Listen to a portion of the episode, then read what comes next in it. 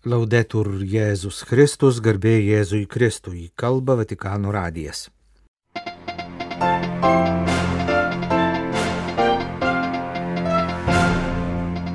Popiežius susitiko su kadenciją baigiančiu tikėjimo mokymo dikasterijos prefektu.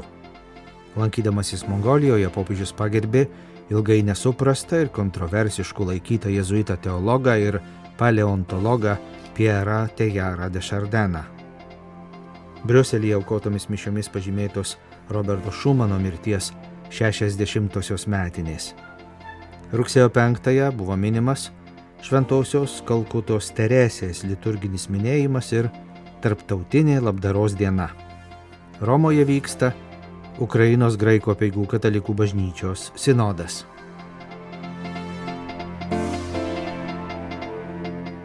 Antradienio rugsėjo 5 rytą popiežius Pranciškus aplankė tarnystę baigiantį tikėjimo mokymo dikasterijos prefektą kardinolą Luisą Francisco Ladariją Ferrerą.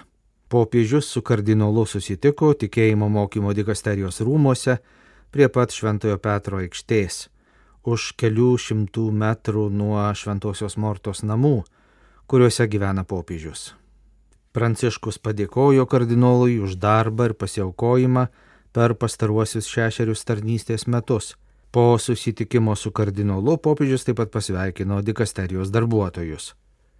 79 metų ispanas kardinolas Luisas Francisco Ladarija Ferreras 2017 m. Liepos 1 d. buvo paskirtas tuometinės tikėjimo mokymo kongregacijos, dabartinės dikasterijos prefektu šių metų Liepos 1-ąją, prieėmęs kardinolo atsistatydinimą, naujojų prefektu popiežius paskyrė 61 metų argentinietį Laplatos arkivyskupą Viktorą Manuelį Fernandesą. Naujasis prefektas perims pareigas iš savo pirmtako rugsėjo viduryje. Sekmadienį baigdamas Ulambatoro sporto arenoje aukotas mišes, popiežius Pranciškus pagerbė prancūzų jėzuitą Pierre Tejarą de Chardeną, geologą, paleontologą ir teologą, skelbusį evoliucijos teorijos suderinamumą su apreiškimu. Iš tiesų, 1923 metais prancūzų jėzuitas, ką tik apsigynęs gamtos mokslų daktaro laipsnį, Paryžiaus gamtos istorijos muziejaus vardu atliko misiją vidinėje Mongolijoje, tai yra Kinijos šiaurinėje dalyje, kur Ordos dykumoje aptiko svarbių paleolito laikotarpio fosilijų. Dykumoje mokslininkas ir teologas baigė kurti pasaulio mišes.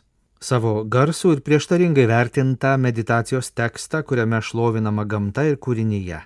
Šią meditaciją jis pradėjo rašyti pirmojo pasaulinio karo tranšėjose, kur tarnavo sanitaru. Baigdamas sekmadienio mišę su lambatorė, popiežius sakė, kad Euharistijos šventimas Mongolijoje jam priminė jėzuito tėvo Piero Tejaro de Šardeno maldą, kurią lygiai prieš šimtą metų jis kreipėsi į Dievą, būdamas Ordos dykumoje netoli Mongolijos.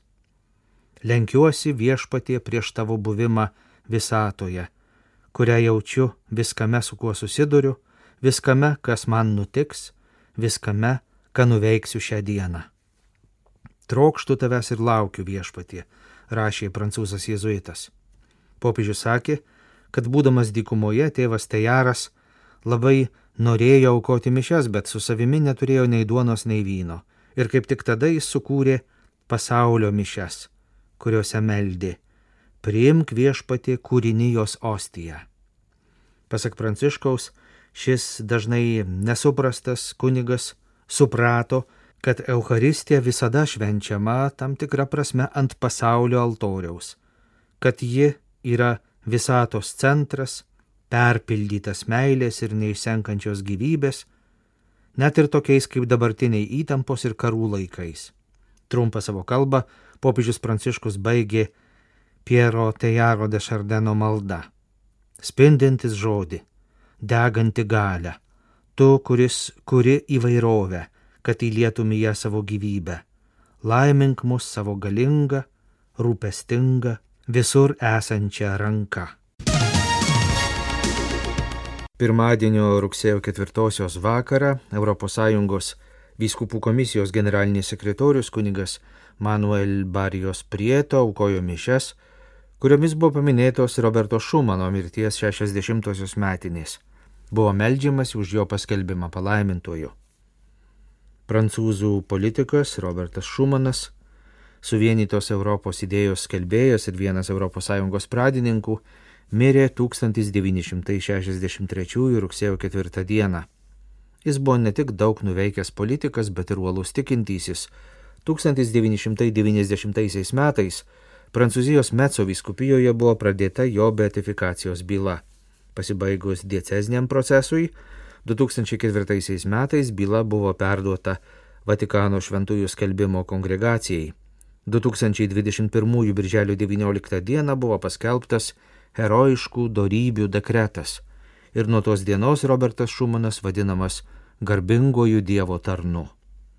Būtina stengtis, kad dėl mūsų visuomenės legiančių problemų neprarastume vieningos Europos idealo.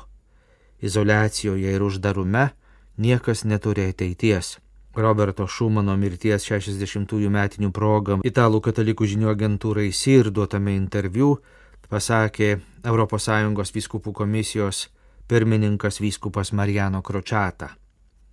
Šumanas tikėjo, kad po antrojo pasaulinio karo sukurti stabilūs Europos tautų santykiai užkirs kelią naujam karui. Pasak vyskupo Kročata, ši žinia nebuvo iki galo priimta, dėl to karas vėl pas mus sugrįžo. Šiandien būtina sustiprinti ir sukonkretinti diplomatinės pastangas tiek Ukrainos, tiek šalies agresorės atžvilgių. ES turi atlikti pagrindinį vaidmenį siekiant sprendimo. Europa turi taip pat stiprinti tarptautinį bendradarbiavimą, ypač su Afrikos žemynu. Politikams taip pat būtina susimastyti, ar jų sakomi žodžiai, įstatymų leidybos iniciatyvos ir priimami politiniai sprendimai iš tiesų tarnauja tvarios gerovės siekimui. Paminėjęs ateinančiais metais vyksiančius rinkimus Europos parlamentą, ES vyskupų komisijos pirmininkas pabrėžė, kad reikia visomis išgaliomis priešintis vieningos Europos idealo nykimui, dėl kurio kaltos problemos kamuojančios Europos šalių visuomenės ir kai kuriuose šalyse augantis nepasitenkinimas ES ir jos centrinėmis institucijomis. Izolacijoje ir uždarume niekas neturi ateities, o pasitraukimas iš jau nueito kelio reikštų pasiekimų praradimą, didėjančius konfliktus ir ekonominę krizę. Ukrainoje vykstantis karas turėtų būti baisus įspėjimas apie pavojus, kurie kyla, kai tautos susiskaldo ir užsidaro savyje, pabrėžė vyskupas Mariano Kročata.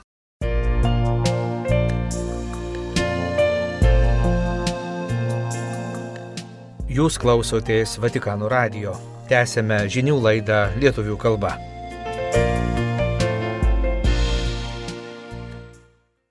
Prieš 26 metus 1997 rugsėjo 5 Kalkutoje savo kongregacijos Dievo meilės seserų apsaptyje mirė motina Teresė, viena iš didžiausių 20-ojo amžiaus tikėjimo, Dievo ir artimo meilės liudytojų. Ja pripažinus palaimintąją 2003 metais ir paskelbus šventąją per 2016 gailestingumo jubiliejų, Rugsėjo 5 švenčiama kaip jos liturginio minėjimo diena. 2012 metais Junktinių tautų organizacija šią datą, pripažindama motinos Teresės nesavanaudišką pasiaukojantį darbą, 1979 įvertinta ir Nobelio taikos premija paskelbė Tarptautinę labdaros dieną. Labdara, kaip ir savanurystė ar filantropija, kuria tikrus socialinius ryšius, įtraukia ir atsparę visuomenę. Labdara gali sušvelninti skaudžiausius humanitarinių krizių padarinius, papildyti viešasias veikatos, priežiūros, švietimo, būsto ir vaikų apsaugos paslaugas, padeda plėtoti kultūrą, mokslą, sportą, saugoti kultūros ir gamtos paveikslą, taip pat skatina marginalizuotų ir nuskriaustųjų teises, skleidžia žmogiškumo žinę konflikto situacijose. Pažymima Junktinių tautų organizacijos labdaros dienos pristatėme, kuriame primenamas išskirtinis motinos Teresės darbas kovojant su skurdu ir palengvinant žmonių kančią. Tačiau liturginė motinos Teresės šventė kviečia pažvelgti į jos gyvenimo ir darbo šaltinį. Kaip ir daug kitų didžių šventųjų, ji konkrečiu būdu išreiškia tai, ką išpažino tikėjimu ir ko meldė. Kvietimą mylėti Dievą bei artimą. Kalbama ne vien apie paprastą ar greitą pagalbą sunkumo patiriančiam žmogui, bet apie visą gyvenimą persmelkiančią nuostatą ir įsipareigojimą, kurį galima pavadinti pašaukimu artimo meiliai. Visą savo gyvenimą motina Teresė buvo dusni, dieviškojo gailestingumo dalintoje, visiems tarnaudama per žmogiškos gyvybės gynimą, negimusios, apleistos ar atstumtos. Jį įsipareigojo ginti gyvybę, nepaliaujamai skelbdama, kad dar negimęs yra silpniausias, mažiausias, vargingiausias. Ji pasilenkė prie išsekusiųjų, prie paliktų mirti pakelėse, pripažindama, kad jie turi Dievo suteiktą orumą. Ji balsiai kreipėsi į žemės galinguosius, kad jie pripažintų savo kaltę, nusikaltimų, skurdo, kurį jie patys sukūrė akivaizdoje. Gailestingumas jai buvo druska, suteikianti skonį kiekvienam jos darbui ir šviesa, nušvečianti tamsą tų, kurie nebeturėjo netašurų verkti dėl savo skurdo ir kančios. 2016 rugsėjo 4 motinos Teresės kanonizacijos mišių dalyviams homilijoje kalbėjo popiežius Pranciškus ir pridūrė, jos misija miestų pakraščiuose ir egzistencinėse periferijose išlieka ir mūsų dienomis, kaip iškalbingas, Dievo artumo vargingiausiems iš vargšų liudijimas. Šiandien patikiu šią pavyzdinę moters ir vienuolės figūrą visiems savanoriams. Tegul ji būna jūsų šventumo pavyzdys. Pagal kraują esu Albanė, pagal pilietybę Indė, pagal tikėjimą katalikų vienuolė, kalbant apie pašaukimą priklausau visam pasauliui, o kas liečia mano širdį, visiškai priklausau Jėzaus širdžiai sakoma viename iš dažnai cituojamų motinos Teresės pasisakymų. Rugsėjo 3-ąją Romoje prasidėjo Ukrainos graikų katalikų bažnyčios viskupų sinodas, susitiko ganytojai iš pačios Ukrainos ir diasporos bendruomenių. Rugsėjo 10 dieną yra numatytos iškilmingos pamaldos skirtos Šventojo Juozapato Kuncevičiaus kankinystės 400 metų jubiliejui.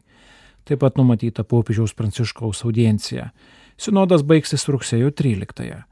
Pagrindinė Ukrainos graikų katalikų viskupų sinodo tema yra karo aukų silovada. Pastaraisiais mėnesiais didysis arkivyskupas Svetoslavas Šepčiukas, graikų katalikų apieigų ukrainiečių vyriausiasis ganytojas, kalbėjo, kad po karo, kuris nebejoja jis baigsis ukrainiečių teisės gyventi ir tvarkytis savo valstybėje apginimu, vienas iš svarbiausių dalykų bus tvarkymasis ir su karo pasiekmėmis. Reikės ne vien atstatyti kaimus ir miestus, bet taip pat gydyti žmonių kūnuose ir dvasioje paliktas žaizdas.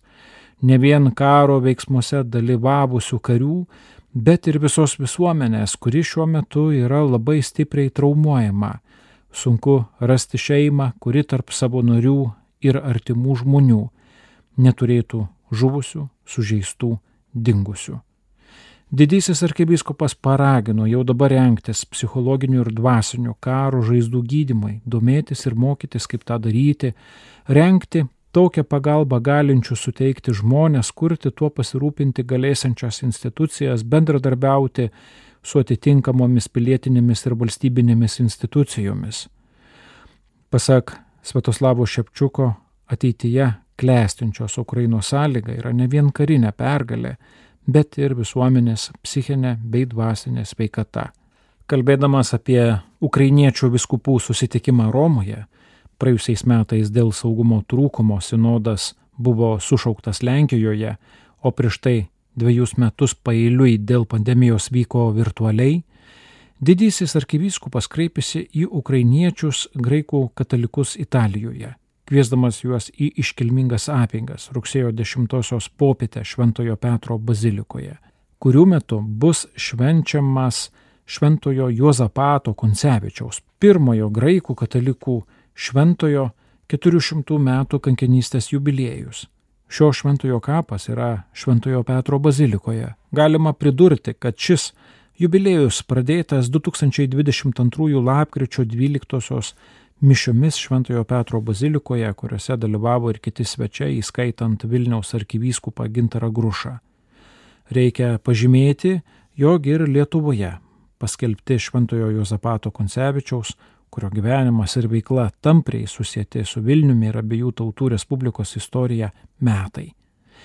Kaip praneša Ukrainos graikų katalikų bažnyčios informacijos tarnyba, į Romą atvyko 45 biskupai iš 55 ir jau rugsėjo 3 dalyvavo bendroje liturgijoje ukrainiečių šventosios Sofijos bazilikoje Romoje. Čia juos taip pat pasveikino rytų katalikų bažnyčių dikasterijos prefektas Klaudijo Gudžeroti. Didysis arkivyskupas Svetoslavas Šepčiukas kalbėjo apie tris vilties ženklus.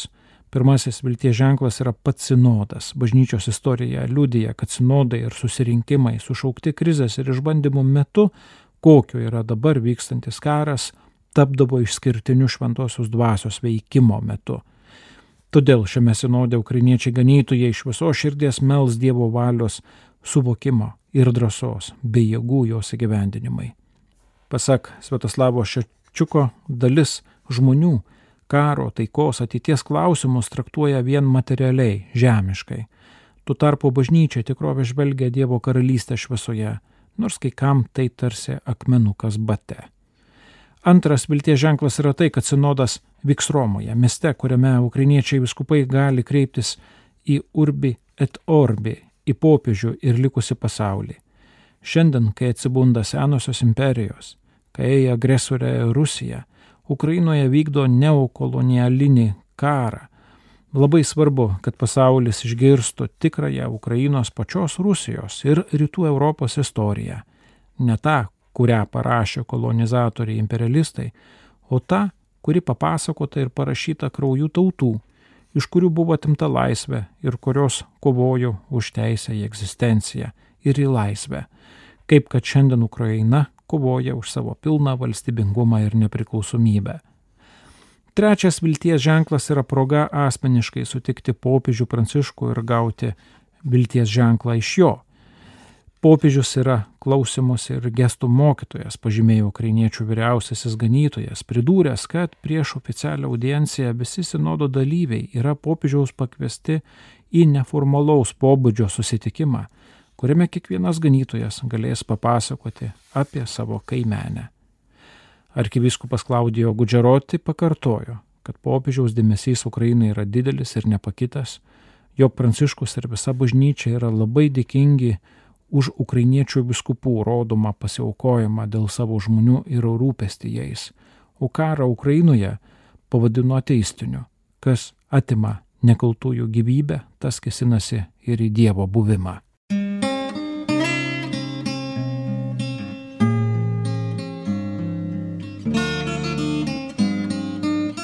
Kalba Vatikano radijas. Laidą lietuvių kalba baigėme.